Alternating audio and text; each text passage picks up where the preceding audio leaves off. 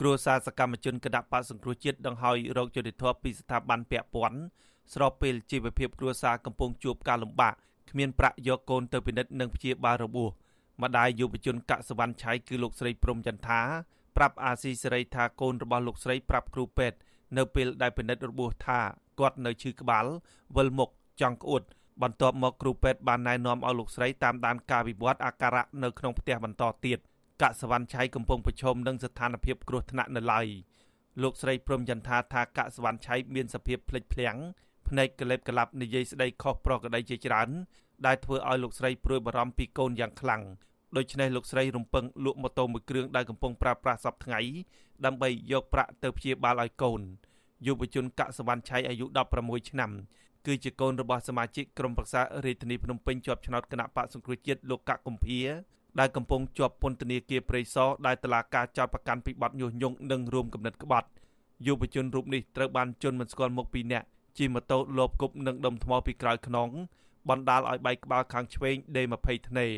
ពេលដែលរូបគេកំពុងធ្វើដំណើរជាមួយម្ដាយនៅភូមិថ្នោតជ្រុំសង្កាត់បឹងទំពុនទី2ខណ្ឌមានជ័យរាជធានីភ្នំពេញនៅព្រឹកថ្ងៃទី27ខែមេសាកន្លងមកយុវជនរូបនេះត្រូវបានមន្ត្រីប៉ូលីសចាក់អង្រែលើខណ្ឌមានជ័យចាប់ខ្លួន ប្រើប្រាស់អំពើហិង្សានិងដាក់ខ្នោះដៃរយៈពេលពេញមួយយប់ពាក់ព័ន្ធលបចូលយកទង់គណៈបកសង្គ្រោះជាតិនៅទីស្នាក់ការកណ្ដាលលោកស្រីព្រំចន្ទថាបញ្ជាក់ថារយៈពេលជាច្រើនថ្ងៃមកហើយដែលលោកស្រីដេកចាំរោគយុតិធធពីសមាជិកប៉ុន្តែពេលនេះលោកស្រីមិនទាន់បានទទួលដំណឹងពីការស្រាវជ្រាវនិងបង្ហាញពីការស៊ើបអង្កេតណាមួយដើម្បីចាប់ជនល្មើសនៅឡើយទេលោកស្រីចាត់ទុកករណីនេះជារឿងធ្វើទុកបុកម្នេញផ្នែកនយោបាយ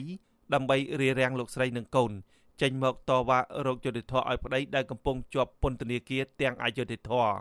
ខ្ញុំអត់មានទំនុកចិត្តទៅលើអាញាធរទេព្រោះកន្លងមកអាញាធរមួយណាហើយដែលរកខុសត្រូវឲ្យប្រជាពលរដ្ឋជាពិសេសសកម្មជនបកនយោបាយតែម្ដងគ្រួសារខ្ញុំខ្ញុំអស់ទឹកភ្នែកនឹងហូរជាពិសេសគឺកូនខ្ញុំផ្ទាល់គ្រួសារខ្ញុំចាប់ពន្ធនាគារបាត់បង់សេរីភាពហើយកូ នខ្ញុំពីរដងហើយលើកទី1គេចាប់ដាក់ខ្នោះគេឃុំគេធ្វើបាបរាងកាយឥឡូវលើកទី2គេលួចគេគប់ទៀតបែកក្បាលទៀតខ្ញុំគិតថាធ្វើទុកបុកម្នេញក្រុមគ្រួសារអ្នកនយោបាយតែកតិនទៅនឹងបញ្ហានេះអាស៊ីសេរីមិនអាចតាក់ទងសុំការបញ្ជាក់រឿងនេះពីអ្នកនាំពាក្យអគ្គស្នងការនគរបាលជាតិលោកឆៃកឹមខឿននិងអ្នកនាំពាក្យអគ្គស្នងការនគរបាលរាជធានីភ្នំពេញលោកសានសុកសីហាបានទេនៅថ្ងៃទី30ខែមេសាដោយទូរស័ព្ទចូលពុំមានអ្នកទទួល ប៉ុន្តែលោកសានសុកសីហាធ្លាប់ប្រាប់ថាសមត្ថកិច្ចកំពុងស្រាវជ្រាវតាមរយៈកាមេរ៉ាសវត្ថិភាពដើម្បីរកមុខសញ្ញាជនប្រព្រឹត្តមកផ្ដន់ទោសតាមច្បាប់ហើយតែលោកលើកទឹកចិត្តឲ្យជនរងគ្រោះដាក់ពាក្យបណ្ដឹងដើម្បីឲ្យសមត្ថកិច្ចស្រាវជ្រាវរឿងនេះជុំវិញរឿងនេះនាយករងទទួលបន្ទុកផ្នែកខ្លំមើលសិទ្ធិមនុស្សនៃអង្គការលីកាដូ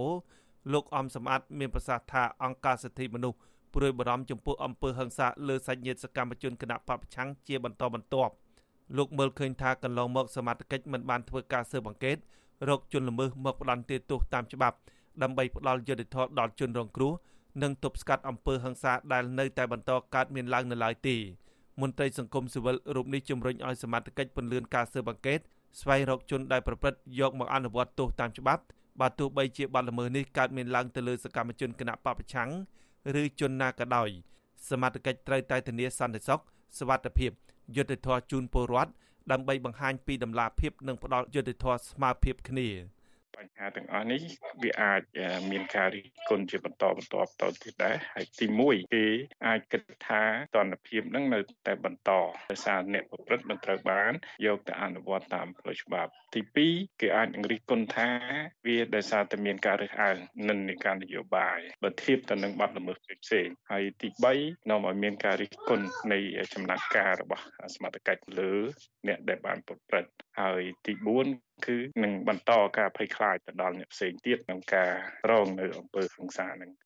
ចាប់តាំងពីឆ្នាំ2020រហូតមកដល់ពេលនេះមានសកម្មជននិងសាច់ញាតិសកម្មជនគណៈបកសង្គ្រោះជាតិប្រមាណ30នាក់ហើយត្រូវបានជន់មិនស្គាល់មុខលបវាយឲ្យរងរបួសហើយភ ieck ច្រើនអាជ្ញាធរមិនបានធ្វើការស៊ើបអង្កេតវែកមុខរកជនប្រព្រឹត្តនិងជននៅពីក្រោយខ្នងមកផ្ដន់ទោសតាមច្បាប់ទេអ្នកតាមដានស្ថានភាពយល់ថាការប្រើប្រាស់អំពើហិង្សា ជាការរំលោភសិទ្ធិមនុស្សនិងជាការធ្វើទុកបុកម្នេញផ្នែកនយោបាយលើសកម្មជនគណៈបកសង្គ្រោះជាតិខ្ញុំបាទហេងរស្មី អាស៊ីសេរីពីរដ្ឋធានី Washington